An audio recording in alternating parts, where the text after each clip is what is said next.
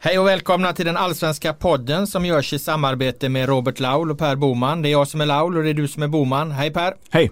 Idag ska vi prata om den inklämda nionde omgången som har rivits av på en onsdag-torsdag. Vi ska prata om trenden som försvann, om toppmötet i Göteborg, om Hammarby, AIK och Djurgårdens segrar. Vi ska ta upp läsarfrågor, men först veckans spaning. Vad har du Per Boman? Jag hade lovat dig att, eh, att klämma fram en spaning men eh, jag hade tänkt att krysta fram den under, under kvällen igår då men min fot blev massakrerad i en, i en korpmatch och jag tappade allt fokus så jag, jag har ingen. Jag hade velat höra en målande betraktelse av livet som korpspelare och särskilt nu när du har en, liksom en, en manglad fot och kan visa upp och, och i detalj beskriva för lyssnarna men eh, Nej, den men, får vi vänta på alltså. Absolut. Nej men jag kan beskriva hur det var. Vi, vi, eh, vi, är, ett gam, vi är ett lag med, med spelare som är framförallt över 30. Eh, eh, ska säga välkalibrerade i passningsspelet. Eh, lugna, fina, mjuka, bra människor. Eh, vi mötte, mötte ett lag som var, så att säga impulsiva, mellan 18 och 21. Hårda, fula, bättre mot den. Men eh, vi spelade helt enkelt bättre som ett lag, ledde med 7-1 i slutminuterna. Då kommer det en kille och gör den tydligaste stämplingen på mig som, jag vet inte, jag har aldrig varit med om något liknande. Eh, jag ska inte säga att jag var nära gråten men det gjorde otroligt, otroligt ont. Otroligt ont gjorde det. Jag fick ingen ursäkt, en kille bredvid skrek, alla ser att han filmade. Eh, jag var tvungen att halta ut. Eh, nej, det var bara jobbigt. Hur påverkas självbilden av att bli uttänkt som filmare i det läget skulle du säga? Ja, alltså personen som skrek det borde väl bli inlagd på någon typ av eh, ja, anstalt eller någonting för att det var så otroligt tydligt att jag inte filmade. Så att eh, eh min självbild eh, är helt intakt. Jag tycker det där får duga som eh, spaning idag. Eh, det var en målande beskrivning av livet som korpspelare när man börjar bli alldeles för gammal för det. Jag har faktiskt en spaning, den kommer lite senare och den handlar som sagt om, eh, eller har jag rubriksatt som trenden som försvann. Jag har tittat lite på topp 5-lagen i allsvenskan och vad som egentligen eh, kännetecknar dem och vad som inte riktigt finns där. Men vi ska börja med den eh, tidiga seriefinalen då på Gamla Ullevi mellan IFK Göteborg och Malmö. Den första allsvenska matchen genom tiderna utan en enda målchans. Ja, det är ju, det är ju en tillspetsad rubrik som inte är sann. Jo, jag, den är sann. Jag har, målchanser jag har, jag har, eh, jag kan säga två målchanser. Nej. Jag kan göra det. Kan, du, kan, kan, ah, kan okay, jag få göra det? Ja, ja jag börjar, ja, ja. Då borde vi egentligen ringa upp Andreas Alm och låta han vara domare. Exakt. Han har, har ju det här. Men okej. Ja, jag, jag, anser att Sebastian, Sol, Sebastian Olssons inlägg till Lasse Vibe som nickas en bit utanför när Erik Larsson knuffar han i ryggen. Det skulle jag kategorisera som en målchans. 1.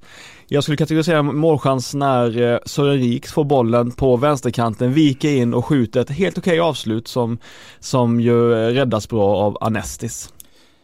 Hasse Backe kallade den där Vibenicken, eh, Simon-experten Backe då, han kallade eh, Vibenicken för en 10% i målchans. Det tycker jag var generöst. Och Rex, det kan ju Rex, aldrig vara en målchans. Den är ju för lam alltså. Ja. Alltså bara för att man, bara för att man skjuter i straffområdet så, så alltså det är ju ett avslut på mål, det kan jag ge dig. Men, men jag skulle inte säga att det är en målchans.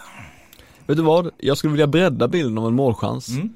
Jag tycker också att en målchans nästan var när Marcus Rosenberg, som ju faktiskt var oduglig i första halvleken, missar framspelningen till Andreas Windheim som har, ska ha ett friläge. Det, det, jag vill nästan säga att det var en målchans, eh, trots att han missade passningen. Ja, men I så fall måste vi ju enas om någon form av liksom eh, eh standard för eh, eh, eh, målchanser. Vi måste göra liksom ett eh, alamjölkpaket av det här så att man alltid talar om samma sak när det gäller målchanser. Det var ju det Alm var inne lite på efter den här matchen mot Eh, eller efter Häcken, vilka var han? Ja, Häcken-Helsingborg var det när han och P.O. Ljung började bråka om, om målchanser. Eh, att eh, det viktiga är ju någonstans att man hela tiden bedömer en chans över tid på samma sätt. Liksom att man har sin egen metod och, och alla, alla gör ju det någonstans olika. Uppen, uppenbarligen gör vi det olika. Jag, jag, skulle nog säga att det där var en match utan målchanser. Men eftersom jag inte har med mig riktigt på den båten då så eh, konstaterar jag att det var en match med oerhört få målchanser då enligt ditt sätt att se ja, det får fotboll. du. Eh, det får jag. Och eh, det är också ganska ovanligt i Allsvenskan. Eller hur? Absolut, jag såg den här matchen i efterhand när jag kom hem från mm. den här mm. korpmatchen. Jag hade stängt av allting så jag visste inte hur det gick och trots att det inte blev några mål så det låter ju nästan elitistiskt att säga så. Så tycker jag att det var en jättekul match att kolla Ja men det var det absolut, jag håller med dig till 100% Jag tyckte att den var, det var, den var intensiv och, och den var liksom dramatisk på sitt sätt och det var ju tryck på läkt, från läktaren och det var närkamper och, och alltså man kan ju säga att 0-0 matcher är tråkiga, dåliga och så vidare. Men man, man har en fotbollsmatch, det här är min utgångspunkt. När man har en fotbollsmatch eh, som då inte, håller, inte innehåller en enda målchans eller möjligen väldigt, väldigt få. Då är det ju något annat i lagens spel förmodligen som har varit bra. Och i, det här, i den här matchen var det eh, två väldigt bra försvarsspel. Ja exakt och jag tänkte ställa en fråga till dig som Man får säga att du skrev en krönika om matchen så du får lite extra fokus så kan jag ställa några frågor till dig och, och jag Jag vet ju att du har du, du, ju, du tyckte ju att de andra allsvenska klubbarna inte scoutade tillräckligt bra eh, ett tag och att de underskattade Blåvitt och inte riktigt hade koll på hur de spelade. Jag höll väl inte med riktigt men, men eh, man får väl säga att Ove Rösler tog Blåvitt på allvar. Ja. Precis min känsla efteråt att eh, och, och det kan ju Blåvitt slicka i sig av att här kommer liksom den stora guldfavoriten och, och, och mäktiga Malmö liksom och det är Malmö som på många sätt anpassar sig till eh, IFK Göteborg eh, helt anpa anpassade efter den här höga pressen och, och, väldigt, väldigt noga med att ha mycket folk hemåt när eh, Blåvitt gör sina omställningar. Jag skulle säga att det präglar kanske den här matchen mer än något annat. Att Malmö till skillnad från egentligen nästan alla lag som har mött IFK Göteborg, de är väldigt vaksamma på de här omställningarna vilket gör att de eh, släpper inte så mycket på sin organisation, på sin formation Malmö utan de, de ligger kvar med ganska mycket spelare. Det, det innebär ju att Rosenberg och Molins blir ganska ensamma uppåt och samtidigt så blir Blåvitts eh, eh, omställningar leder ju inte till några chanser för Malmö är ganska samlade. Jag skulle säga att det, det, det är ju det liksom som ramar in den här matchen. Det är ju att Malmö har anpassat sig till Blåvitts eh, snabba omställningar och det, det leder sen till att matchen blir så pass låst som den blir. Ja, ehm, jag, eh, om man ska ställa några frågor om, om Malmö, eh, jag tycker ju att Bonk Innocent, jag tyckte han eh, var bra. Mm, ja, i, okay. I mycket, alltså mm. man kan ju inte ha något krav på att han ska vara konstruktiv, eller man kan ju ha det men jag har inget krav på Bonk att han ska vara krav, bra i det offensiva spelet eller ha massa öppnande passningar men jag tycker han löste ganska, löste nästan alla situationer som han, som han ställdes inför. Och det gör ju att Lewicki istället för ta, tvingas ta allt ansvar i det tidiga offensiva passningsspelet. jag tycker det enda det Lewicki gjorde var att varje gång jag fick bollen så slog han en snabb passning upp på Rosenberg eller, eller Målin så jag gillar Lewicki men jag tror han missade två av tre. Ja, men Lewicki eh, underpresterar och han är, är, ju inte lika bra längre i mittfältsrollen som han är i backrollen. Det känns som att han trivs mycket bättre där. Um, och, men eh, vad, som, vad som var grejen med det där egentligen eh, att IFK Göteborg fick hyfsat betalt för sin höga press och det handlade inte skulle jag säga om att Malmö då inte var beredda på den. Utan även där hade Rösler gjort sin eh, läxa. Men eh, där tror jag Malmö var väldigt påverkade av att man inte har uh, varken Bachirou ja. eller Christiansen. Alltså det är ju snarare det det handlar om. Hade de haft någon av dem så hade de, hade de nog varit så skickliga. Hade de fått ha liksom Lewicki i, i backlinjen och, och antingen Christiansen eller, eller Bachirou centralt då hade de nog hanterat och spelat sig ur den här pressen eh, bättre. Eh, precis som du säger tycker jag Bonk Innocent gör, gör en, en, bra match under förutsättningarna men han är ju ingen, han är ju ingen Bachirou han är ju liksom ingen Christiansen. Så, så eh, att det blev som det blev i det perspektivet det, det handlar nog mycket faktiskt om, om att de saknar spel, spelare. Det är ju inget Malmö ska skylla på men det måste ju ändå vägas in i analysen när det är två så oerhört bra spelare på en så liksom central position position på planen. Men det är väl dunderklokt och pragmatiskt av Rösler att inte tro att han ska kunna spela ut eh, Blåvitt borta, att man förstår att Blåvitt har varit väldigt bra. Det tycker jag var ja, ja, han är den, inspirerande. Ja, ja, han är ju den, den, den första motståndaren egentligen som har, har tagit det helt på allvar ur det perspektivet. Och jag menar fotboll handlar ju om att, att samla poäng och, och och, eh, alltså ett, ett klokt topplag även i Malmös position inser ju att man kan ju inte vinna varenda jävla match liksom. Men då är det i alla fall bättre att, att hämta en poäng i de matcherna än att, än att vara naiv och för, förlora för många. Jag tror Malmö kommer, kommer att ha igen det här i slutet av säsongen att, att man har det här resonemanget. Så att eh, eh Röslers belackare då, de klagar ju på allt eh, i Malmö. Han, eh, de, får, de får väl ta sig lite funderare och faktiskt inse att eh, här gjorde Malmö faktiskt något ganska bra. Ja, alltså jag tänkte en del på Malmös anfallsspel eh, och jag vet att eh, Rosenberg och Målins lämnades ganska ensam men ett, jag tyckte de spelade väldigt långt ifrån varandra och inte hittade några kombinationer mellan varandra. Två, jag tycker Rosenberg, jag vet att han gör en del saker i andra halvlek som är bra men jag tycker han var svag överlag. Mm. Målins, det, han är ju inte samma spelare som förr längre. Förr var han ju komplett nästan när han var som bäst. Han löpte djupled, han kunde vara bra emot den, han hade ett fantastiskt skott, han var okej okay som taget. Nu var det som att han har fått en ny superkraft, targetspelaren. Och det var som att han inte kunde riktigt förmå att veta när han skulle använda den eller inte använda det. Så i varenda enskild situation så backade han upp likt Niklas Skog på Kalisi och skulle backa, backa, backa in och suga in bollen och fördela vidare. Jag tycker att han liksom ville testa det för mycket och hela tiden och egentligen inte gjorde så mycket annat och inte heller var, liksom lyckades jättebra med det. Alltså han lyckades låsa fast bollen någon gång ibland och spela tillbaka men jag tycker att det var som att han, eh, jag vet inte, som att han har ställt in sig på, på att vara en helt ny spelare. Det kanske han är också.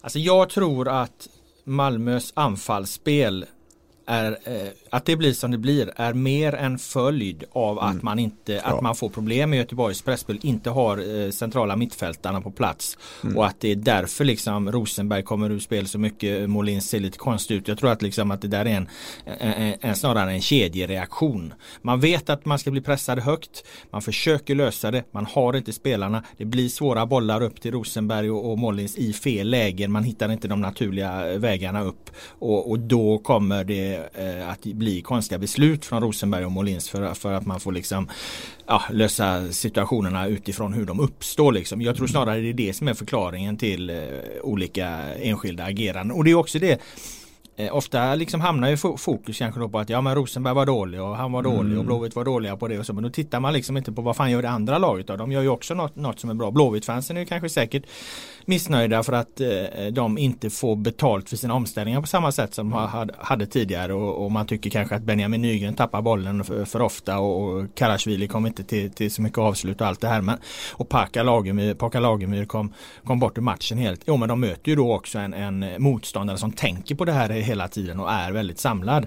Ehm, eh, att, att det ändå blir 0-0 i den här matchen även om det är Göteborgs eh, hemmaplan, även om Malmö är skadade och, och så här skulle jag säga att du skrev ju att Blåvitt Blåvitt är på riktigt skrev du efter, efter Norrköpingsmatchen. Jag skulle säga att det här var den matchen som tippade över mig liksom på att ja men de, de, de är ta mig fan så här bra liksom. Det, det är ingen eh, dagslända utan de, de, kommer leverera. Det finns liksom ingenting. Det är klart de unga spelare som kan dippa och, och det kommer komma motgångar och då ska de hantera det och, och så är du mentalt starkare med. Men det finns här och nu. Det finns det ingenting liksom som talar på att att eh, IFK Göteborg inte är så bra som de faktiskt har varit de här nio omgångarna. För att eh, nu hanterar man ju försvarsspelet på, på ett klockrent sätt egentligen. Karl Starfelt är ju, är ju jättebra. Sebastian Olsson är ju är bäst på planen i den här matchen.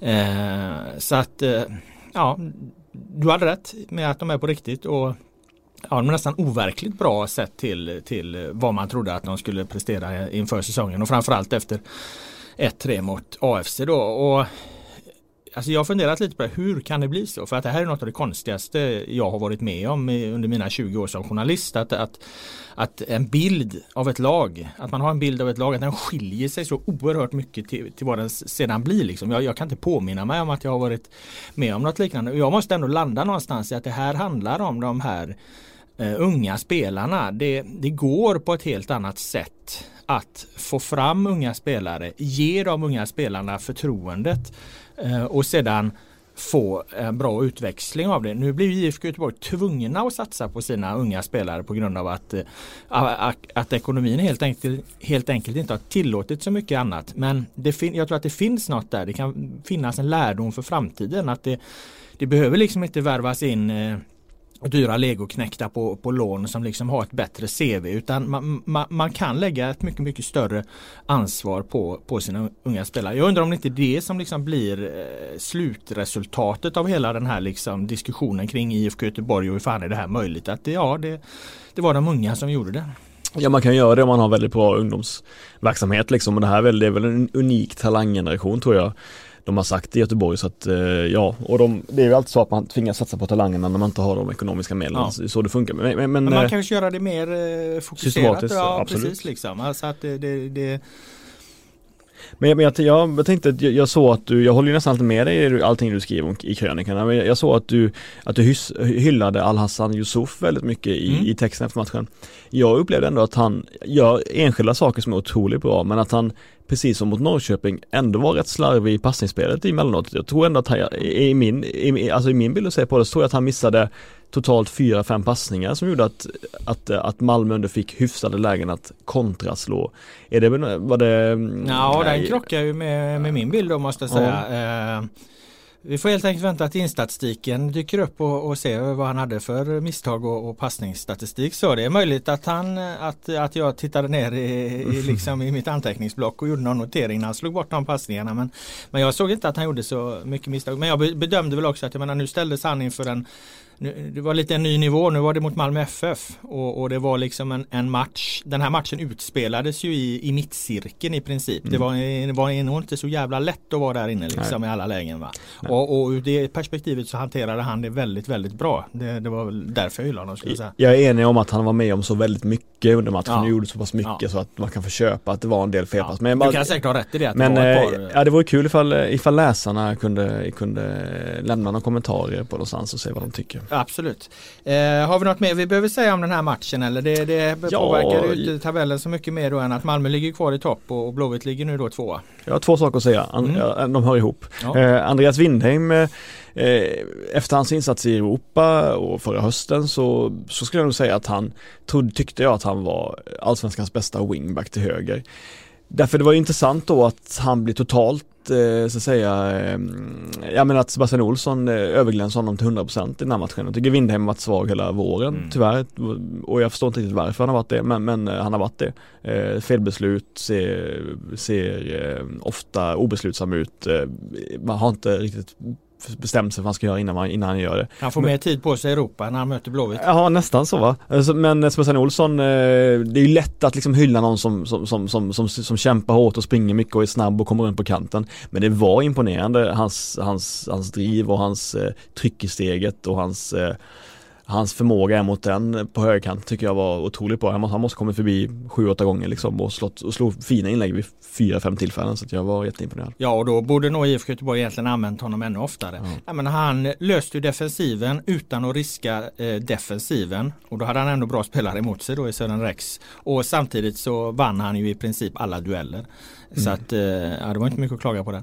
Nej men Sören är ju Sören är ju otroligt bra offensiv och duglig defensiv. Men när han och eh, så att säga Berang Safari är på samma sida då tror jag att Rex är lite för dålig mot den och att eh, jag gillar Berang men att han är kanske lite för trög numera för att hinna ut alltid på samma sätt och täcka upp och hjälpa sin wingback vilket gör att det var en, en perfekt då, eh, möjlighet för Olsson att komma fram så mycket. Nu viktar ju det här samtalet till att mer eh, hylla Göteborg för insatsen fastän det är ju Göteborg som tappar poäng på hemmaplan men det beror ju givetvis Ja, ja. på förutsättningarna och att Malmö är där de är i näringskedjan men det är ju trots allt Malmö som tar med sig ytterligare en poäng eh, från en, eh, en match på bortaplan och, och de hemma så, så vinner de ju allt så att eh, Ja, eh, det är väl egentligen bara att konstatera att, att på sätt och vis så går Malmö fortfarande som, som tåget och gör egentligen pre, precis det de ska. Den här gången gjorde de inte det där och lite till som man, jag brukar lägga till när jag pratar om Malmö. De saknar sina två kanske bästa spelare liksom. Det Ja. måste man alltid ha med i. Man, man, kan, man kan inte säga så här, Malmö har så bred trupp så de kan inte skylla på det. Jo, det är klart de kan skylla på det. Det är givetvis man kan, om man har saknat sina två bästa spelfördelare Mm. så kommer spelet annorlunda ut. Är man pragmatisk då och spelar på ett annat sätt, man bänkar Ekip att inte han är bra nog för att ta den rollen direkt. Jättesmart gjort. Ekip har inte varit bra sedan han, sedan han under våren. Helt rimligt att köra Bonke och, och eh, Lewicki istället. Hade Bonke gjort bort sig nu så hade Rösle blivit hängd som en naiv idiot liksom som, som trodde att Bonke skulle klara av det. Nu fick han rätt i det också att, att Bonke klarade av det så jag tycker att de, de fick, eh, de tickade av väldigt många boxar av, eh, av bra beslut i den här matchen. Nu är Anders Christiansen då tillbaka mot Kalmar och det blir väl då Kalmar kanske som, som får lida eh, för att Malmö FF vill vinna fotbollsmatcher igen. IFK Göteborg spelar eh, ytterligare en hemmamatch mot Hammarby och eh, det leder oss ju över på vårt andra ämne som är just Bayern. Bäst i Sverige just nu eller var det ett historiskt naivt spelande Östersund? Jag frågade Mats Solheim om det, för jag träffade honom häromdagen och Mm. han, eh, han sa att eh, jag vill inte ta bort någonting från vår, från vår insats för den var väldigt bra. Men eh, att han sa också att det var oväntat att hur ÖFK spelade. För det var ju oväntat hur ÖFK spelade. Men kom du ihåg vad jag sa när de, om den här matchen mot Häcken? Eh, vi pratade om i förra podden. Att Östersund, att de överdrev. Mm. Fastän Häcken pressade dem högt så skulle de till varje pris mm. spela sig ur, ur, situationen där nere i eget straffområde. Då kunde de inte spela sig ur situationen. Ja då lade de den till Sixten Molin så satte han liksom en, en, en ganska bra passning liksom. Eh, inte en lång panikspark utan en, en, en chip mm. på eh, mittfältare. Nej, det, är, det är ju dogmatiskt. Alltså, jag förstår att man måste spela på ett visst sätt många gånger för att det ska sitta och vara bra sen. Mm. Men, eh, och det, det, blir ju alltid en konflikt mellan det långsiktiga och det kortsiktiga. Men jag menar en fotbollsmatch den ligger man under med 2-3-0 så kanske man bör sluta spela på det sättet liksom. Alltså, jag menar Tom Pettersson sa efteråt, ja visst vi kunde slått långt men vi är inte bra på det. Nej men vad fan de har ju spelare som Islamovic och de har spelare som Ger om inte han är skadad. Jag menar det hade funnits spelare som hade kunnat binda upp helt okej okay där uppe och försöka fördela vidare. För jag menar Tecke som jag gillar egentligen, han var en brottsligt naiv i den här matchen. Kolket var seg som fan. Och de satte sig själva, de satte ju sig själva i ett, de var ju elaka mot varandra. Ja det var ju oerhört, alltså det var ju anmärkningsvärt eh, att spela så i, runt eget straffområde som de gjorde. Och utsätta sig för de här möjligheterna till bollvinster som ju Hammarby också är bra på. Ja, som ja. Hammarby är, är, jättebra. Men jag menar ett fotbollslag är ju inte riktigt bra om det inte också kan växla identitet Nej. ibland utifrån matchbild. Eh, jag tycker att ibland blir den en eh, över Dogmatiskt är det. Ja, det är dogmatiskt ett bra ord för det. För det blir liksom som en övertro på att om man bara gör det här vi, vi ska göra in, in i märgen liksom. Då kommer det fungera förr eller senare. Men ibland måste man också kunna anpassa sig efter saker och ting. Mm. Och, och, jag menar det här var väl det tydligaste exemplet vi har fått i årets allsvenska på att Östersund var helt oförmögna att, att anpassa sig. Ja, men kom ihåg när du frågade mig då för en eller två veckor sedan. Skrev, skriver vi för lite om ÖFK sett till deras sportsliga prestationer? Mm. Då sa jag nej, de har inte haft så, så svårt spelschema än och nu blev de ju otroligt otroligt avslöjade tycker jag. Hammarby då? Fanns det något utöver att de då utnyttjade ett korkat spelande Östersund som är värt att lyfta. Jag tänkte på eh, Tankovic återigen hyllas med, med, med mm. löpsedlar och, och, att han är bäst i Sverige, mm. allsvenskan och så. Jag tycker det, alltså jag gillar, jag tycker Tankovic är jättebra. Men jag, jag håller fast vid min linje att han är den där, han glänser i de där matcherna när det, när det går lätt liksom. Jag tycker inte han är, han, han är väl inte bäst i allsvenskan som en del påstår. Tycker du? Eh, alltså jag köper vad, jag tycker inte att det är så att han bara glimtar i, perioder. Kanske var den här matchen men, men överlag tycker jag att... Nej men inte i perioder, men att han, han, är jävligt bra mot eh, Eh, när, när det går lite lättare för Hammarby. Ja men Malmö borta. Ja, han har, jag alltså säga att han har varit bra men inte så, han är inte så där otroligt Nej. bra som han är i de här matcherna. Nej men det är så här, jag tycker att eh, Tankovic har varit en av vårens stora sensationer men att säga att han är den bästa spelaren det är ju för att man när man ska skriva en krönika någonting mm. att man mm. måste få en bra vinkel liksom. Alltså för det är han inte än. Nej. Men jag, det jag gillar med honom som sagt tidigare det är att jag, jag tycker att han har fått en jämnhet i prestationerna. Att han att han gör, jag ser att han gör väldigt sällan ett misstag på planen. Han, han som sagt, han, han, spelet stannar inte upp vid honom. Han, han tar inte fel passning, han är inte självisk. Jag tycker att han liksom gör allting till 90% rätt. Så att mm. eh, jag vill nog ändå säga att eh, jag är jätteimponerad och han leder också poängligan. Han leder poängligan? Ja, som jag förstår det. Så, som jag förstår det. Jag, jag tror att han leder poängligan. Så det, det måste man ändå ta i matchande nu så det gäller att hänga med i den här poängligan också. Exakt. Eh, nej men jag visst, jag är jätteimponerad av Tankovic såklart. Men jag tycker ju att Jeppe Andersen och Nikola Djurdjic är så oerhört viktiga för deras spel. Mm, och att de också har, kanske har eh, andra delar i, i, i, det som är så viktigt. De har en eh, ja, i pressspelet, i hårdheten, eh, i att driva på och så här. Så att eh, ja, de kommer lite, det kommer lite i skymundan där. Men en rimlig följdfråga blir ju då, vem är Allsvenskans bästa spelare?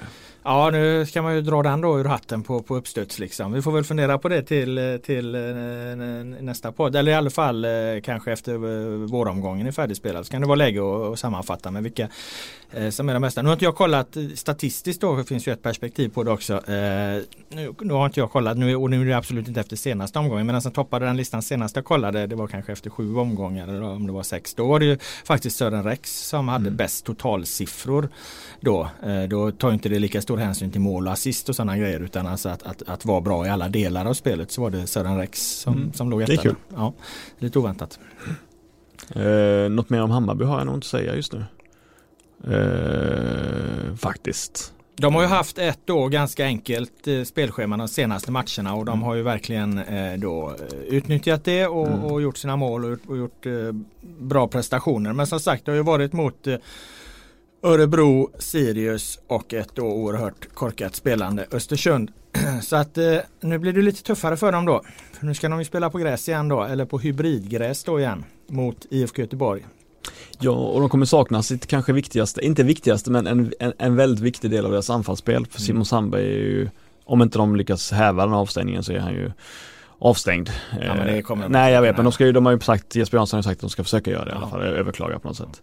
Eh, då, eh, det är ju liksom, det låter ju som att det är bara en högerback men alla vet ju hur viktigt det är att för, eller sådär hur, hur stor del av Hammarbys spel är att centrera så pass mycket så att Sandberg ska få den korridoren helt fri. De lyckas ju väldigt bra och ge honom det läget alltid. Han kommer ju fram fem sex gånger på match och mm. slår avgörande inspel. Eh, och där har de ingen riktig, riktigt bra ersättare heller på det sättet. Så det är ju ett bekymmer i det lilla. Får man säga. Eh, å andra sidan så kan de väl lösa det genom att låta Widgren få ta ännu större eh, ansvar i offensiven och låta högerbacken stanna kvar lite mer om det nu är Solheim som blir högerback igen eller sådär.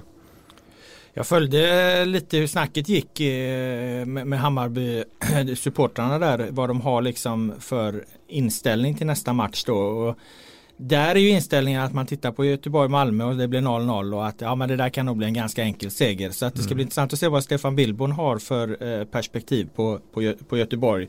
Om han gör som någon tidigare en dålig scouting eller om han gör som Rösler en, en bra scouting. Ja, Billborn har ju sagt alltid att han utgår till 95% om hur de själva ska spela. Mm. Det kanske mest är retoriskt för att eh, bygga en självbild av att det är vi som kommer styra matcherna. Han är såklart noggrann med hur motståndarna spelar också, men det är ändå hans det är ändå den grunden han står på, att han i första hand eh, ja, tänker på hur Hammarby ska vinna matchen snarare än hur de ska hantera motståndarna. Definitivt får han ju lösa det du var inne på med Simon Sandberg där och vem, vem han ska spela som eh, högerback. Mm. Eh, det var ju en eh, oerhört korkad eh, agerande av, av, Sandberg får man väl säga liksom och mm. Eh, utsätta sig för risken att, att få ett rött kort i läget eh, ledning 4-1. Ja exakt, det var väl ett slags viftande som pågick ändå. Mm. Eh, oavsett om man träffar eller inte så är det väl som sagt Ja men han sparkar och sprattlar ja. ju alldeles för mycket mm. i den här mm. situationen. Så att, nej det var dumt gjort. Eh, vem ersätter honom? ja men jag skulle, om, om, Fäng, Fäng är tillbaka om och Sola är emot Ja eller? exakt, det skulle ja. jag säga är det rimligaste. Ja. Är Fäng tillbaka? Ja det vet jag inte men eh, förvånar mig inte om han är det. Men det är så kul när jag sa det till eh, Solheim häromdagen, jag träffade honom då att eh, det är så kul att se honom slå inlägg. Han har en ganska underskattad inläggsfot men varje gång han slår inlägg så koncentrerar han sig så mycket med vänstern eller höger så det är som att se någon stoppa in en sytråd i en synål liksom. Så han verkligen lirkar och man ser på honom med tungan liksom mitt i mun och försöker verkligen. Höll han med om denna beskrivningen? Ja, han höll med om det ganska bra. Jag tycker han är, och jag tycker att han, han, han är faktiskt en oväntat bra och noggrann eh, eh på, på inlägg så att det eh, kan bli kul att se honom på kanten.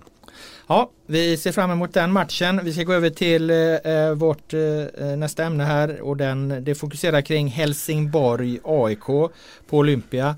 AIKs bästa match för tredje matchen i rad kan man säga. ja. Jag tycker vi har suttit här nu och konstaterat att eh, först gjorde AIK eh, sin bästa halvlek när de eh, studsade tillbaka och vann mot AFC. Och sen så vann de mot Djurgården i derbyt och där gjorde de sin bästa match i båda straffområdena även om spelet emellan straffområdena inte fungerade så bra. Och nu kan vi konstatera att 3-1 mot eh, Helsingborg då var en match där eh, ja men spelet eh, som helhet fungerade bra helt enkelt. Det var liksom det var lite AIK 2018 igen över den prestationen. Ja, men jag har ett par frågor till dig då mm. angående detta. Eh, jag vet ju att Rickard, det gjorde ont för Rickard Norling när han var tvungen att splittra på anfallsparet Henok Goitom, Tarik Elunussi eh, mm. eftersom de var så otroligt bra tillsammans förra året.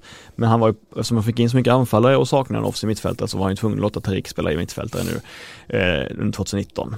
Eh, nu fick ju Tarik upp i anfallet igen och var glimrande. Om du fick en pistol mot huvudet och var tvungen att välja. Ska han spela mittfält eller anfall? Vad säger du då?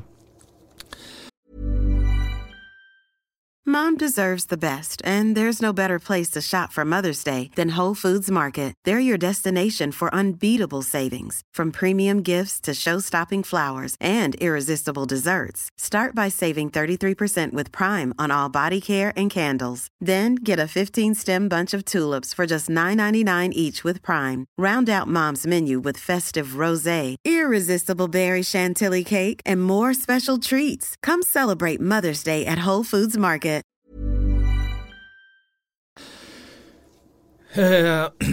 nej men jag tycker att han ska spela utifrån hur det har varit på mittfältet mm. eftersom de inte har hittat någon, någon lösning nej. där och de har fler alternativ i anfallet. Jag tror precis det är så Norling. Norling började, mm. han har ju testat. Det är väl ingen tränare som har testat så oerhört mycket olika som han har gjort om du tittar på vad han använt i anfall och vad han använt på mittfält. Alltså. Han har ju han har testat varenda gubbe liksom. Han slänger ju in bulten snart. Alltså, han, han, alltså, han har provat allt som är tillgängligt i princip. Och nu blir det ytterligare en ny spelare som fick chansen där då i den här Bilal Hussein då. Mm. Och han är väl den som har fungerat bäst i, mm. i den här eh, 10-rollen eller släpande rollen, pocketrollen. Och då kunde han ju också sätta upp Elionossi för att han hade Bilal Hussein där.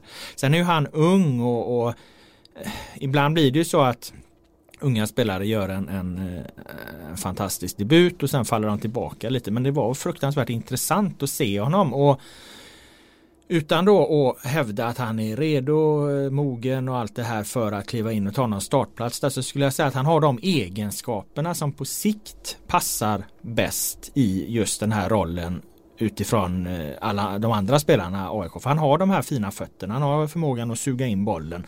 Han, han har blicken för det och, och, och han, han, är bra i sitt beslutsfattande och, och rörlig och, och hittar ytor och, och, eh, kreativ och påminner ju det perspektivet väldigt mycket om Kristoffer Olsson. Även om man givetvis inte är på hans nivå på något sätt så, så att det blir rätt i jämförelsen här. Men, men alltså det är ju det är liksom en spelartyp spelartypsmässigt så är det han som ska vara det. Och då är det inget snack längre för då kan de ju spela med Leonussi och Goitom. Och när man ser Elionussi och Goitom ihop nu då förstår man ju också vad är det som inte riktigt fungerar tidigare. Det blir lite tydligare nu när övriga spelare börjar hitta formen men man ser ju att Goitom har en bit kvar. Han, han, eh, alltså det, det är väl det här att bli gammal eh, eh, exemplet helt enkelt. Alltså du vet när, när man är så bra med hjärnan. Hjärnan är fort, fotbollshjärnan är fortfarande lika intakt men, men kroppen hänger inte med på samma sätt. Jag tror det är det som händer lite med, med, med Goitom. Att det, och det kan ju vara att det tar längre tid för honom att komma igång och så. Men man, man ser ju, han gör ju en del oerhört bra saker i den här matchen. Han hittar en hel del väldigt fina samarbeten med, med Leonossi och det är ett par väldigt, väldigt effektiva kombinationer. Men ja, han har ett friläge och tappar bollen för långt framför sig. Han gör också saker som, som är mer kopplade till liksom att formen med bollen är inte riktigt där liksom. Ja, men, men, eh, men jag tror att någonstans där har du, har du hela bilden. Men jag undrar lite mer kring Bilal Hussein. Eh, för jag, jag har varit på så många träningar där han har varit bra de senaste åren och sådär. Alltså, jag har varit på, sett honom där och de har pratat så gott om honom i två, tre år nu, AIK. Och jag minns att jag var där förra året och det var en ledare som jag stod och snackade lite med och han sa lite sådär att jo men Billy som han kallas, eh, han är jättefin, han är en jättestor talang mm. Men vi har inte sett att han liksom, han har liksom inte steppat upp på en allsvensk nivå Han har liksom inte visat någon spetskompetens som gör att han kan mm. spela i startelvan det Han är bra på mycket liksom, han är en sjua på allt men mm. han måste kanske bli en åtta på allt för att han ska kunna, för att han ska kunna liksom ha den här vad ska vi kalla det, genomsnittliga spelstilen på något sätt. Det låter kanske, det låter, det låter elakt men det var nog positivt menat liksom. Och att de tyckte inte att han hade fått den spetsen än. Har han den spetsen nu? Ja, men jag har ju sett honom, i, du har ju förmodligen sett mycket mer av honom. Jag har ju mm. bara sett honom i de här 65 minuterna han får, får mot eh, Helsingborg. Men, men jag tycker att de flesta spelarna som AIK har provat i den här rollen, nu, nu är inte jag med på Norlings genomgångar mm. så jag vet ju inte exakt vad, hur det är han vill använda dem. Men de flesta som har varit i den här rollen, de tycker jag de hamnar liksom på, på, på, på, på, på liksom en, en linje som är lite snett lutande uppåt vänster och när de får bollen då, då får de den i ett läge så de hela tiden har motståndarens mittfältspress framför sig. Och så ska de då försöka slå ut den. Vad jag tyckte att, att Bilal Hussein gjorde det var att han liksom innan han fick passningen så rörde han sig så bra så att han, han, han tar liksom en, en position i, i den här ytan som man vill åt. Och där är han så, alltså mellan eh, eh mittfältspress och, och backlinje. Och där är han så pass bolltrygg så han, även om det är ganska trångt så kan han ta emot bollen och bli rättvänd där. Det tycker jag han gjorde ett par gånger på ett, på ett väldigt intressant sätt. Och, och Det var ju det liksom det är ju det jag antar att man söker för att jag, jag, jag, tror inte liksom Norling hela tiden vill ha de här. Jag tror inte Norling exakt vill spela som Djurgården gör. Djurgården spelar ju liksom med, med, med den här eh, tian då väldigt extremt utåt vänster. Och, och, det har de gjort i vissa matcher AIK. Men, men jag tror ändå Norling vill att man ska agera ungefär som Hussein. Att man har ett större rörelsemönster. Men då gäller det också att, att kunna ta in bollen och göra något med den. Och jag vet inte om det är en spetsegenskap eller inte. Men jag menar, han är ju en bra fotbollsspelare och en bra fotbollsspelare som kommer rättvänd i ytan där du alltid vill ha fotbollsspelare. Ja men de, de gör ju ofta bra saker och det gjorde han här flera gånger. Det är faktiskt intressant det du säger om var spelfördelaren, vad han utgår från. För jag vet, det är en av Peter Wettergrens käpphästar. Mm. Han har sagt, flera gånger nu att de moderna spelfördelarna, de utgår inte från en, de försöker inte hitta ytan lika mycket mellan, mellan mittfält och backlinje längre. De försöker inte operera den ytan för att motståndarlagen har blivit så bra på att mm. stänga mm. den. Mm. Så att de i hö, mycket högre utsträckning utgår från en kant, mm. en flytande kantposition och därifrån styr upp spelet. Att ja, man hittar honom i det läget. Eh, så att eh, man ska ju vara, eh, man ska vara jävligt bra helt enkelt för man ska kunna klara att vara och vara dominant i matchen från en utgångspunkt som är där det är svårt att hitta. Ja men det Wettergren menar med det det är ju då att tidigare har man ju liksom någonstans haft sin utgångsposition i mellan eh, motståndarnas mittfältspress. Ja, ja. Och, och, ja och nu, nu, nu, nu startar man den någon annanstans mm. men målsättningen är ju ändå att ta sig till den ytan. Jo, absolut. Liksom. Eh, och, och det, det, är det jag menar. Det tycker jag att han, han gjorde bra, mm. eh, Bilal Hussein. Och jag menar är inte det en spetsegenskap? Så, alltså, det kan ju också jo, vara en spets, jo, alltså spetsegenskap hans, att klara det. Liksom. Att vara så spelintelligent är ja, det. Ja. Men återigen, du har säkert en bättre bild av honom. För jag har ju som sagt, jag har sett honom i 65 minuter på, på Olympia. Då var han jävligt bra och det det lovar ju gott för AIK men åter, det är ju en ung spelare, jag har ingen aning, han kan ju inte ens spela nästa match. Nej men det var inte min åsikt. Nej, utan, utan det, nej, det, det, det jag studsade till på var att de själva sa så om en mm. så pass håsad talang. Mm. Eh, I övrigt eh, den matchen så eh, Nej men det mesta, ja, det fungerar för AIK. Eh, Karol Metz eh, har ju varit bra i varenda match i princip. Jag gjorde en ny bra insats i, i där bak. Han är ju ett, eh, en jävla bra värvning. Mm. AIK mm. har ju fått skit för sina värvningar men Karol Metz är en riktigt bra värvning. Cred till dig Boman som tidigt såg att detta var, var, var en bra spelare när inte AIK riktigt fungerar så såg du äh, ändå att den här liksom ståtliga estländaren stack ut. Vet du vad han är? Han är en ny eh, Jos Hojfeldt på den tiden Jos Hojfeldt var bra. Alltså mycket bättre med bollen självklart men jag mm. märker också efter matchen att han har den här ah. eh, Jag vet inte, han har den, här holländska, holländska snacksaligheten och den här rakt på sak snusförnuftiga, sunt förnuft-aktiga grejen liksom som mm. Hojfeldt hade också. Det kan man bli irriterad på men Mets, Mets är det på ett mycket mer nedtonat sätt än Hojfeldt ändå. Eh, så att, eh, men jag tycker ändå att han är, ja, han skulle kunna fungera som en Hojfeldt när Hojfeldt var bra. Jag ska, jag ska ta han efter nästa match, prata lite estniska med han så mm, ska vi se, se om han uppskattar det. Eh, men som sagt, Mets jättebra där, Sebastian Larsson jättebra på mitten, Bilal Hussein otroligt spännande framför, mm. Elionussi, apropå allsvenskans bästa spelare, mm. till exempel mm. inte Elionussi just nu bättre än Tankovic? Ja det är en bra fråga. Jag, skulle, mm. ja, jag kan inte svara på det. Nej. Ah, det, det, mm. men han ska ju vara med i den diskussionen i alla fall.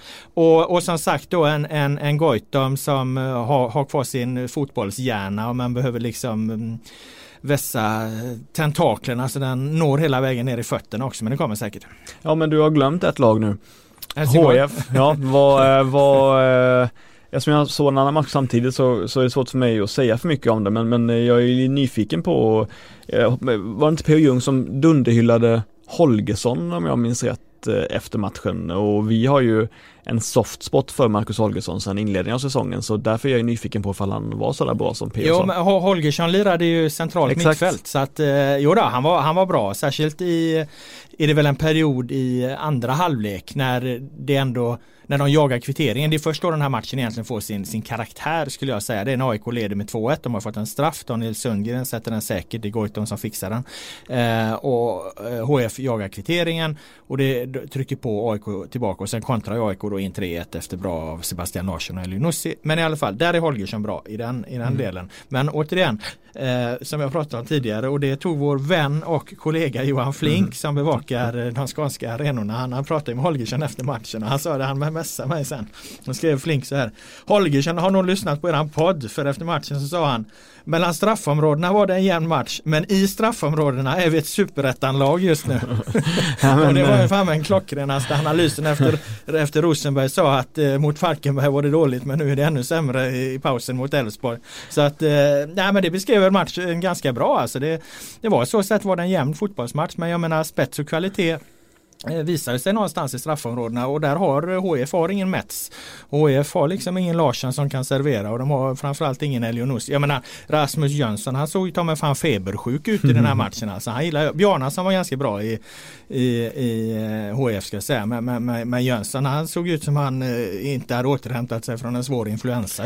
Du är nog ändå den enda människan jag känner som med sånt självförtroende kan säga en sån platthet som att matcher avgörs i straffområdet och få det att framstå som en slags, jag vet inte, platonsk nästan liksom sanning.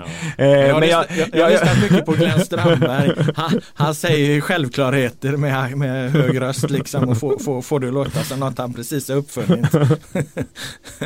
Finna en liten känga där också. Gillar Glenn. Ja, vad skulle du vidare med det resonemanget? Nej, jag bara imponerade dig. Jag har, inte, jag har aldrig lyckats uppbära det självförtroendet. Ja, jag vet bara, vad du menar. Jag förstår vad du menar. att det är så jävla många tränare som hela tiden pratar om vi var så jävla bra i den här matchen liksom. Jag tycker det är befriande att en sån som Holgersson säger att mellan straffområdena var vi, var vi, höll vi hyfsat jämna steg men eh, i straffområdena ja då agerar vi ta med fan som ett superettanlag för det är ju faktiskt där matchen avgörs. Jo men jag har en fråga till om det ja. Granen då? Vad, han vad, ja exakt, vad händer med granen? Ja, är, är han slut alltså, eller? Nej, ja, nej, ja, alltså att börja få så här mycket återkommande efterhängsna skador så att det är nog ingen, eh, det är nog ingen dum eh, spekulation av det att eh, att det kan vara slut för honom, så är det ju. Mm. Och få, få nu återkommande skador och dessutom liksom han pressar ju sin kropp liksom. Mm. Alltså det får inte, han får ju också veta när tid är. Är det... Så han inte håller på för länge och förstör sin kropp. Jag är lite orolig för Granen. Någon Patrik Andersson kom hem ja. till Malmö. Mm. Är det en sån situation? För det var ju Ja, men inte än för att Granqvist har ju inte varit, Granqvist är ju inte dålig. Nej det var faktiskt alltså, alltså, jag har all respekt för Bjärreds fina fotbollskarriär men, mm. men det stämde ju inte riktigt för Bjärred, det kan vi väl eh, milt uttrycka. Kommer ihåg hur hemskt det var när de var tvungna att ställa om till trebackslinje mm. med Patrik Andersson, mm. Olof Persson och mm. Daniel Mestorovic ja. för, att, för att skohorna in eh, Bjärred-laget. Ja. Det var plågsamt. Ja men det var ju också det, det nu är inte jag med i varken Malmös eller, eller Helsingborgs omklädningsrum men jag upplever Granqvist som en, en möjligen mer ödmjuk person liksom, som kanske inte lika svårhanterlig för en tränare. Men Nej. jag tänker också på hans framtid som så ja. han inte blir någon jävla fotbollsinvalid där att han kör sönder sin kropp fullständigt. För han vill, verkar ju så väldigt gärna vilja spela de här landskamperna också och han kanske ska ta sig en funderare på det helt enkelt. Mm. Vi lämnar AIK, eller Helsingborg AIK på Olympia med det och går över till Djurgården, en match som du eh, bevakade intensivt. Mm. En stor seger och då undrar jag lite Mår de bra nu igen Djurgården eller vad, vad, hur mår de? Ja, alltså det var, det var svårt det här. Det var en svår match och inte svår, det var inte svår match att analysera på det viset att, att Djurgården ledde med 3-0 efter dryga eh, 30 minuter. Men det var ju så att Falkenberg, precis som vanligt, var liksom nästan bättre i spelet inledningsvis än sin motståndare. Ehm, eh, Falkenberg var ju fina liksom, Jakob Eriksson som en slags fågelskrämma sen ut som han eh, liksom tryckte sig förbi på vänsterkanten och Veda var bra och de nigerianska oljetanksen där uppe var bra och starka liksom. Det fanns många delar i det som var bra. Men vet du vad Falkenberg är? De är dåliga i båda straffområdena. eh, och det är en fas. Ja, precis. Eh, nej men de gör ju jättemycket individuella misstag i avgörande lägen och det gör de också för att Djurgården pressar dem ganska bra. Men jag, jag, på samma sätt som att Malmö var kloka borta mot Blåvitt nu så tycker jag Djurgården var ganska kloka borta mot Falkenberg. Jag tror inte det gjorde så mycket att Astrid var borta just i den här matchen till exempel utan de var väldigt fokuserade på att inte låta ett ganska fysiskt Falkenberg vinna den fysiska kampen utan de var väldigt inriktade på att vinna första, andra och tredje boll, att eh, hantera alla insvepande inlägg så att Enzima Peter inte ska kunna eh, liksom röja runt fritt. Och jag tycker det var, tycker det var bra utav Kim Bergström och Thomas Lagerlöf. Och sen var de ju otroligt bra i, i, på att sätta sina målchanser och jag menar visst man kan tycka att de var slarviga i passningsspelet för det var de. Man kan tycka att de slarvade bort en hel del kontringslägen för det gjorde de. Men då ledde de redan med 3-0 också liksom. Eh, så att eh, det var absolut ingen eh, en spelmässig, absolut ingen insats som, som, som imponerade spelmässigt vad gäller kortpassningsspel och, och fina kombinationer men det var en eh, professionell insats. Mm. Är Djurgården bättre utan Astrid? Ja, ja, det är en jättebra fråga. Det var ju någonting, i den här matchen var de definitivt det. Jag Mm. tror inte att de hade blivit bättre med Astrid i den här matchen. Sen vet jag att det cirkulerar statistik som, som visar på att inga spelare i Djurgården har skapat så många chanser som Astrid. Men det är också för att alla andra spelare tillåter honom att vara den spelare som ska slå den avgörande bollen. Då får man ju fler möjligheter att göra det. Sen är frågan hur bra man gör det och han har ju varit väldigt bra i vissa matcher och kommit bort i andra. Jag tycker fortfarande att han, eh, hur mycket han vill tjäna på bollen, hur mycket han, han vill vara involverad i det tidiga igångsättandet av spelet, så borde tränarna vara starka nog att säga att vi behöver inte det där. Du behöver inte vara där. Du, du ska vara högre upp oavsett hur mycket, hur, ifall, du inte, ifall du inte är riktigt involverad högre upp så ja då får du röra dig bättre och visa dig bättre och göra det bättre vid de, vid de tillfällena du faktiskt är involverad för att jag tycker inte han behövs. Jag tycker inte de, de behöver inte spela, vara där nere och trilla boll med honom. Jag tycker Karlström och Ulvestad klarar det alldeles utmärkt själva. Eh, Erik Berg då, är det, var det rätt, ja nu vann de ju, men var det, är det rätt liksom att bara röra på det här nu och sätta honom, honom som mittfältare? Eller var det bara en engångsföreteelse eller ser du på det? Jag tror att det bara var en engångsföreteelse. Dels för att de skulle hantera då Falkenbergs spel och dels för att Astrid saknades. Nej men det är ju det. Är ju det. De, har tre, de har tre av allsvenskans tio bästa mittbackar. Eh, får man ju säga. Eh, där då Berg och, och Danielsson är högre upp än, än Uno Larsson. Det tycker jag. Ja, du håller Une Larsson så högt ändå alltså? Ja det tycker jag. Jag tycker Ja. han är väldigt bra. Eh, men eh, jag tycker de pet, ska peta Larsson då och stoppa in Erik Berg som mittback. Just eftersom Berg och Danielsson är så fantastiskt bra ihop. Eh, och då ska, tycker jag också att de ska köra Ulvestad, eh, Karlström och, och Astrid ett tag till då för Astrid. Men, men det, det är värt att ta upp ifall Djurgården är bättre utan Astrid och eftersom man inte kan svara 100% ja på den frågan just nu så är det ju ett eh, orosmoment. Buya Turay? Ja, han var sämre igen. Eh, han var sämre igen. Jag, är ju, jag gillar ju honom för hans uppoffrande slit. Jag tycker att han är, jag tycker inte han är så korkad som många säger. Jag tycker att han ofta tar många bra löpningar. Men fan vad dålig han var mot, eh, mot Falkenberg. Och, och Falkenberg är också intressant. Eh, Kim Bergstrand, det är så fint. Kim Bergstrand sa flera gånger att de var ett ärligt lag inför matchen. Jag blev glad av att höra det. Jag tycker att han hade fångat dem på ett bra sätt.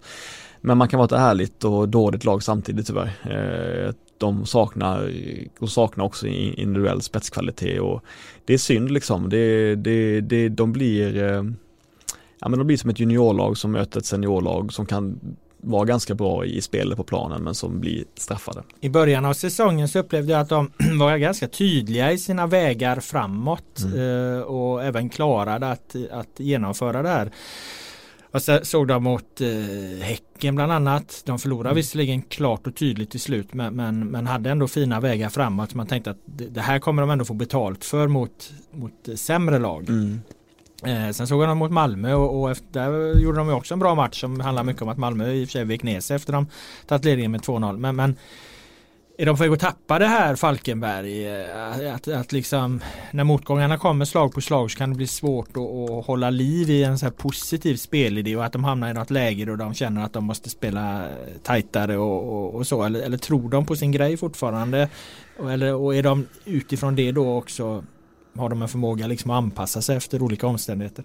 Ja men det är det är en bra fråga. Jag, eh, alltså jag tycker också att de har de är, inte, de är inte bara ett rakt lag utan kan kombinera det med ett lugn i passningsspelet och, och vila med bollen och så vidare. Så att, eh, men jag ser liksom ingen, eftersom det inte finns någon press på dem, eftersom ingen väntar sig att de ska stanna kvar i Allsvenskan, ingen kan kräva det.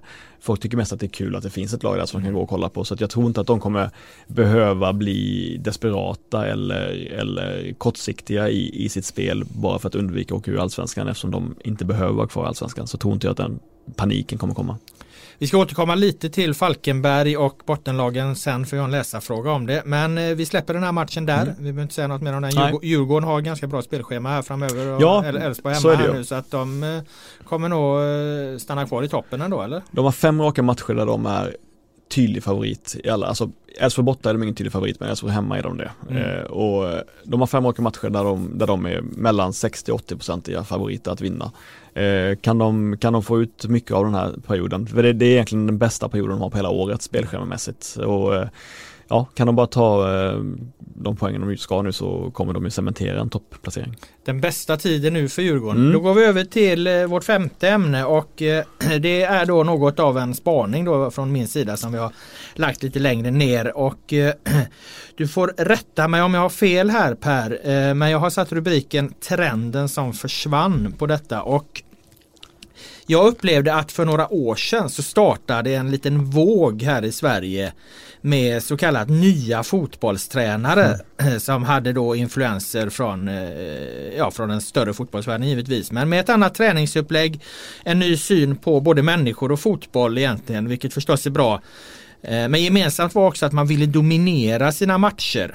Man vände sig mot det här liksom riskminimerande gamla lagerfotbollen som handlar om att vara effektiv och utnyttja motståndarens misstag. Och Givetvis var ju Östersund en, en, en oerhörd eh, förebild och stark influens i allt det. Alla ville någonstans vara Östersund. Det var som att om vi bara om vi bara fokuserar på det här då kommer vi också bli som Östersund. Jag kände hela tiden att alltså, Östersund det, det är som att satsa på att få fram en ny Zlatan. Liksom. Det händer kanske en gång vart hundrade år att det kommer ett lag från division 2 och sätter en, en revolutionerar liksom sin fotboll och, och, kan ta den hela vägen eh, så långt som Östersund då gjorde.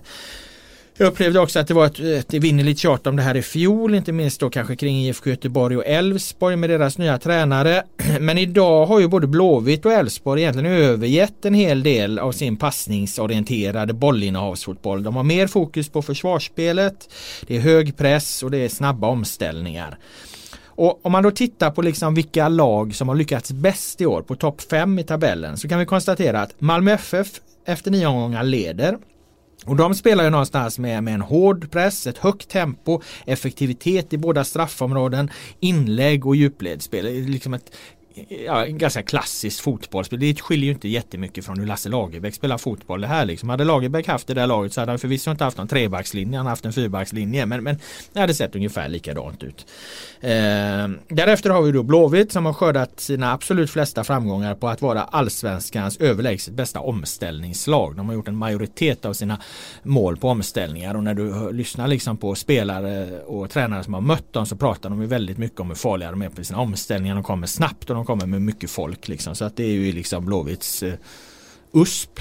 Säger man väl nu för tiden. Mm, Ehm, och tredje plats har vi Häcken och det är inte så krångligare än att det är allsvenskans starkaste defensiv. Med bara fem insläppta mål. Ett ganska defensivt balanserat lag men med, med individuella spetskvaliteter. Men, men liksom inte långt ifrån den här Gerhardssons Häcken för några år sedan som, som lirade med stort innehav och, och, och och eh, gjorde mycket mål och släppte in ännu fler. Fyra Hammarby då, de skiljer, det är väl liksom möjligen då svagheten i mitt resonemang då. För de är ju väldigt passningsorienterade men samtidigt inte på Östersundssättet utan hela tiden söker ju Hammarby liksom en väg in i straffområdet att avsluta anfallen. Och, och det, det, det, här jag menar, det är de ju bäst i Sverige på att ta sig in i, i straffområdet. I alla fall tycker jag och Henrik Rydström det. För det var vad han sa i en intervju på inneplan inför matchen mot Sirius. Att Hammarby är bäst i allsvenskan på att ta sig in i motståndarens straffområde. Så att de använder ju sitt passningsspel eh, eh, precis som jag tycker att man ska göra. Man ska ta det in i straffområdet och komma till avslut på anfallen.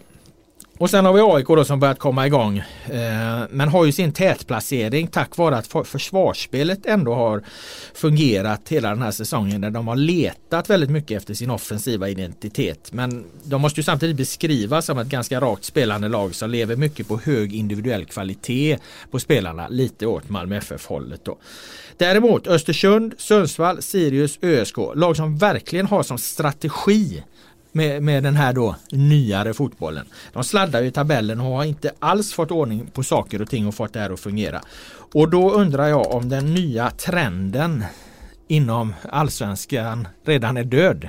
Trenden försvann. Uh, nej men det är ju intressant resonemang definitivt. Uh, kan man ha vissa synpunkter på det. Dels så är det ju de, de lagen du nämner uh, som inte har lyckats med sin strategi. De har ju också bortsett från kanske Norrköping då eh, mycket mindre resurser än de andra lagen och ska väl sett till omsättning och löner ligga längre ner. Vi snackar... Nu räknar jag i och för sig inte Norrköping till nej, det där för att de skulle ändå säga är ett lag som ändå kanske jobbar på att vara mer flexibla. Ja. De jag nämnde var Östersund, ja, Sundsvall, mm. Sirius och ÖSK. Ja exakt, men alla de tre, alla de tre, fyra lagen eh, ska ju ligga där, där de ligger i tabellen rent omsättningsmässigt, mm. lönemässigt och så vidare. De har inte överpresterat. Mm. Sundsvall har inte överpresterat som de gjorde förra året, så kan man säga. Men de, de ska inte ligga, i, i grunden ska de inte ligga högre upp än så. Men det är ju också kärnan i mitt resonemang. Mm. Du kan inte ja, göra det här Östersund Nej, gjorde nej. normalt sett. Jag vill bara säga det var en engångsföreteelse. Ja men exakt, det är också lite av en halmgubbe tror jag, Mm. att påstå att någon tränare någonsin har sagt att bollinnehavet är viktigare än någonting annat.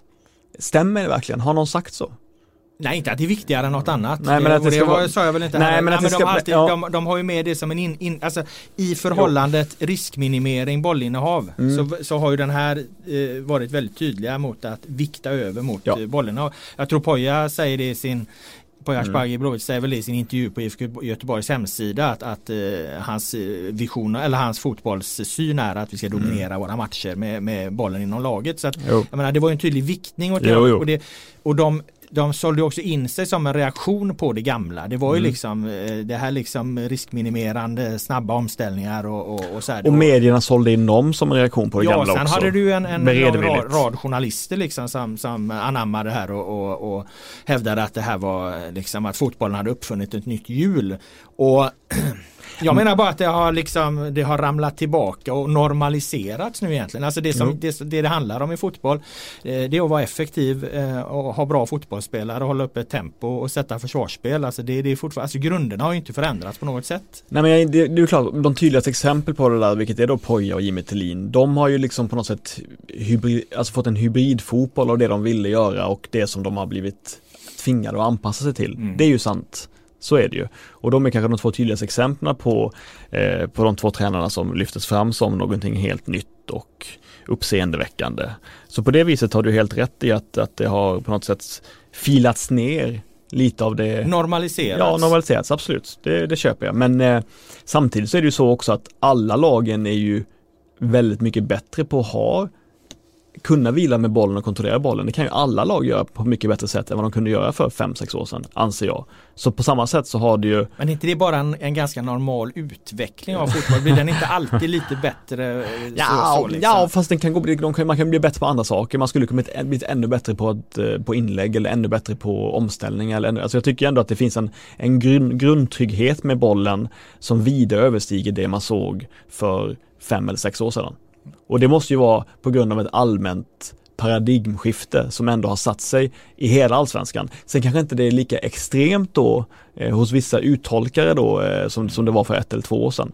Men jag kollade på det och till exempel eh, då tog jag IFK Göteborg eftersom det har varit eh, diskussion om det och de har ju alltså fler passningar inom laget 2015 än vad de har eh, 2019. Så att IFK Göteborg var ju då de hade ju ett mer utpräglat och den Ja. bilden tror jag krockar med hur- vad människor tror liksom. Men de har ju alltså då uppåt 550 passningar i snitt per match 2015 och de ligger under 500 eller låg i alla fall när jag mätte då per match 2019. Så att jag Jo, tror också att det, ja. kro- att jag, jag tror att man liksom man, man, man eh, man titt, det är nog svårt att se exakt vad det är som händer Mm. för vissa. Jo absolut, 2015, ja du, du, Och det bygger ju på att de hade ja. väldigt, då hade de bra, då hade de fungerande ytterbackar och därigenom kunde ha ett, eh, hålla ett bollinnehav. Jättebra yttre och så vidare. Ja, ja. Mm, så att det var ju ett väldigt bra, bra lag och det är det jag menar, liksom, har du bra spelare så handlar det inte så jävla mycket om strategin där egentligen utan alltså, då hade ju IFK Göteborg så bra spelare och då, då, då hade de också även ett bra passningsspel. Det är liksom inget nytt som har hänt nu. Ja men det har, jag tror ändå att det är nytt eh, att lagen är bättre på att så att säga eh, bygga spel bakifrån. Alltså där, jag är ganska säker på att det är att, eh, att Än fastän IFK Göteborg hade ett högre, fler passningar inom Fast jag, alltså, jag, 2015. det är säkert en helt annan ryss som satte, satte statistiken för fem år sedan jämfört med nu. Du tror inte på det? Jag, jag, jag, jag, Du alltså, ifrågasätter fakta. ja, men jämför du med 2015, 2018 eller 2015, 2019? Eh, 19 och 15. Ja det är ju intressant. Ja. Jag tror du menar att du jämförde 18 och Nej, nej, 15. 19 och 15. Mm, Alltså, de att, fler att de var bättre inom laget 15 är inte konstigt. Ja, 2015. mm. ja, ja, ja, ja. Jag frågade, jag vet, jag tycker alltid tyckt att det här är intressant. När jag var på fotbolls-EM 2016 så intervjuade jag Lasse Lagerbäck. Mm. Första frågan då när han eh, kom där till Annecy i Frankrike med sin isländska trupp så var det liksom så här Lasse du har jobbat inom fotbollen i 30 år. Har liksom din grundsyn egentligen på, på fotboll förändrats på vad som när det kommer till att vinna matcher och så? Nej. Okej. Och, och det var liksom, han menar på att egentligen är det liksom inte det utan det handlar om att hålla sina positioner, vara, vara effektiv och, och, och så har ju han ett, ett antal parametrar då liksom. Han menar på att de har egentligen inte, de har inte rört sig under alla dessa år. Nej men det är enorm skillnad på fotbollen i Allsvenskan idag jämfört med vad det var Ja, det är det. 2005 Ja, till exempel, 2006. Allting där har ju blivit bättre men han, han menar någonstans att på de, de, de delar som avgör fotbollsmatcher och de som du måste göra bättre. De Mm. sakerna. Det är inget nytt du måste göra bättre 2095 än vad det är du måste göra bättre eh, 2019. Du måste fortfarande Var bäst är i båda straffområdena. Ja, ungefär hårdraget så måste du fortfarande vara bäst i båda straffområdena. Det har liksom inte förändrats. Ja, men Och du måste ner i din position och, och eh, du måste veta vad din lagkamrat gör och, och du måste ha ordning och reda. Så alltså alla, det, det, det handlar egentligen bara om att fotbollen utvecklas. Själva liksom formen för fotboll är inte förändrad. Ja men det nya underlaget har ju såklart haft stor, Poäng. Stor, eh, gjort att det blir stor skillnad på vad, man ska, vad, vad som är bra att göra. Eftersom det är enklare att ha ett bra eget bollinnehav och eh, spela sig ur press på konstgräs så är det klart att det har gynnat vissa lag som har aktivt spelat på det sättet. Ja det köper jag. Den, det, konstgräset har absolut förändrat fotbollen och, och i Sverige Mm. och eh, skadat fotbollen på sätt och vis tror jag just eftersom det blir sådana skillnader. Men eh, det är ju ändå eh, det är ju ändå liksom eh, För men jag det är ändå, det är ändå eh, någonstans gräslagen som, som dominerar i, i, Sverige. Ja, just nu är det det. Ja. Men, och, men, och det är för att gräslagen är också i klassiska storlag, Ja, AIK, Blåvitt, Malmö. så. Sådär. Men det var ju också intressant att eh, jag menar, för jag menar, det tycker jag var kul för, för när, när konstgräset kom, det här pissiga konstgräset i Örebro som kom först och hur det var för Gävle, då minns jag att då sa man ju, då pratade man ju om konstgräset som någonting du vet, eh, svårhanterbart. Så bra på konstgräs för det går inte att spela på Nej, konstgräs. Kommer du ihåg det? ja. Då pratade man på ett helt annat sätt. Så det var ju aldrig givet att konstgräset skulle bli en källa för jättefint kopparsinspel. Det var, I början var det ju inte det. I början var det ju något för brunkare liksom som, som, som finsmakare så ner på för att det var, det gick inte att kolla på liksom, det gick inte att spela fotboll, det gick inte att kontrollera bollen, allt, allt går så snabbt. Så man slår bara långt istället. Det ändrades ju av något skäl för att folk såg möjligheten att utnyttja det på ett annat sätt. Så att, eh, ja. Ja, underlaget är en poäng, absolut. Mm. Och det är ju klart att underlaget då med bättre gräsplaner också har påverkat det. Liksom. Men jag menar på att det handlar fortfarande om att göra samma grundläggande saker bättre. Frågar du Lasse Lagerbäck så ju, skulle han, eh, du skulle aldrig få honom att säga, säga att han har någonting emot ett, ett dåligt passningsspel. Han kommer ju alltid vilja att hans lag ska ha ett bättre passningsspel. Det har ju liksom legat i fotbollens natur i alla år egentligen. Jag kan garantera dig, om du frågar jag skulle säga 10, eh, 10 av 16 tränare i Allsvenskan, om du frågar vem deras största förebild är just nu, vet du vad de säger då? Nej. Pep Guardiola. Ja. 100% säger de det. Och det måste ju på något sätt eh, visa sig även i Allsvenskan att de tycker det. Eh, och jag tror, jag tycker att det gör det också. Okej. Min eh, spaning då på tabelltoppen eh, menar jag på att visa att det inte har satt de djupa avtrycken än. Men det kan ändras. Eh, vi ska iväg på kurs, eller jag i alla fall. Vi, på, vi, ja, Ja, det är bra. vi, inne- vi har ju skyddsombud här Ja, på, det är på tidningen. Det är nu, helt va, rätt. att, eh, vi tar ett par snabba läsarfrågor innan vi stänger igen. Eh, en läsare undrar, är allsvenskan för jämn? Ja, jag tycker att den är för jämn. Jag, jag tycker det är jobbigt när det är, när det är fyra lag på, eh, på 17 poäng bakom Malmö eh, som har 18. Jag, jag vill ha en större skiktning. Jag vet att många människor njuter av det här att alla kan vinna, men jag blir orolig av det.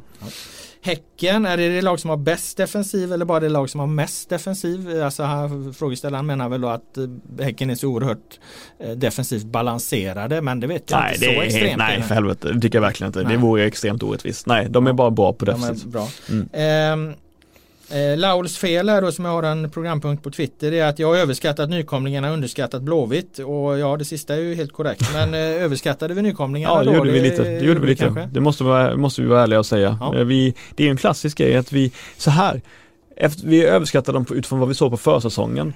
Eh, mycket också ju.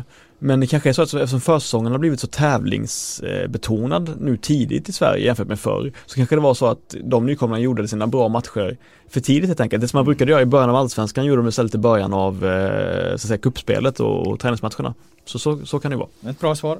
Sen har det varit då eh, oerhört mycket frågor under veckan rörande den här debatten mellan polis och fans. Men vi har tycker väl att vi har sagt egentligen vad vi har att säga om det i eh, förra avsnittet bland annat. Eh, Däremot så reagerar jag på att väldigt många journalister tar så oerhört tydlig ställning i den här frågan. Är det verkligen journalisters jobb?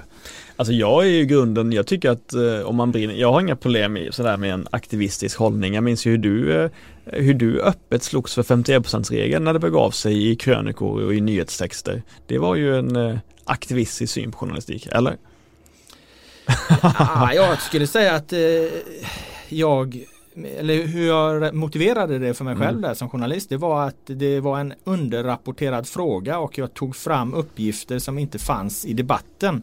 Och det skulle jag inte säga att de journalister eh, som liksom uttalar sig idag gör utan här finns ju alla fakta på bordet. Det är ett jävla snack om det och man, man, man bedriver liksom kampanj. Det upplever inte jag att jag gjorde kring 51% regeln att jag bedrev kampanj utan jag tycker att jag, jag tog fram saker som inte var riktigt kända och, och, och tog dem vidare till en, en bredare målgrupp än, än där frågorna då rörde sig liksom. Köper du det? Ja, det var bra försvarstal. Eh, jag såg att Patrik Ekwall i alla fall reagerade på den här eh, journalistpopulismen på Twitter och eh, en av våra kollegor på redaktionen han uttryckte det så här. Nu hoppar journalisterna ner i skyttegravarna tillsammans med fansen och hoppas att deras framtida guldsköldar ska skydda dem. Vi kan väl låta det bli slutorden på den här podden. Jag tackar dig Per Boman för att du kom hit med dina kloka synpunkter. Jag tackar alla er som har lyssnat. Den allsvenska podden är tillbaka nästa vecka.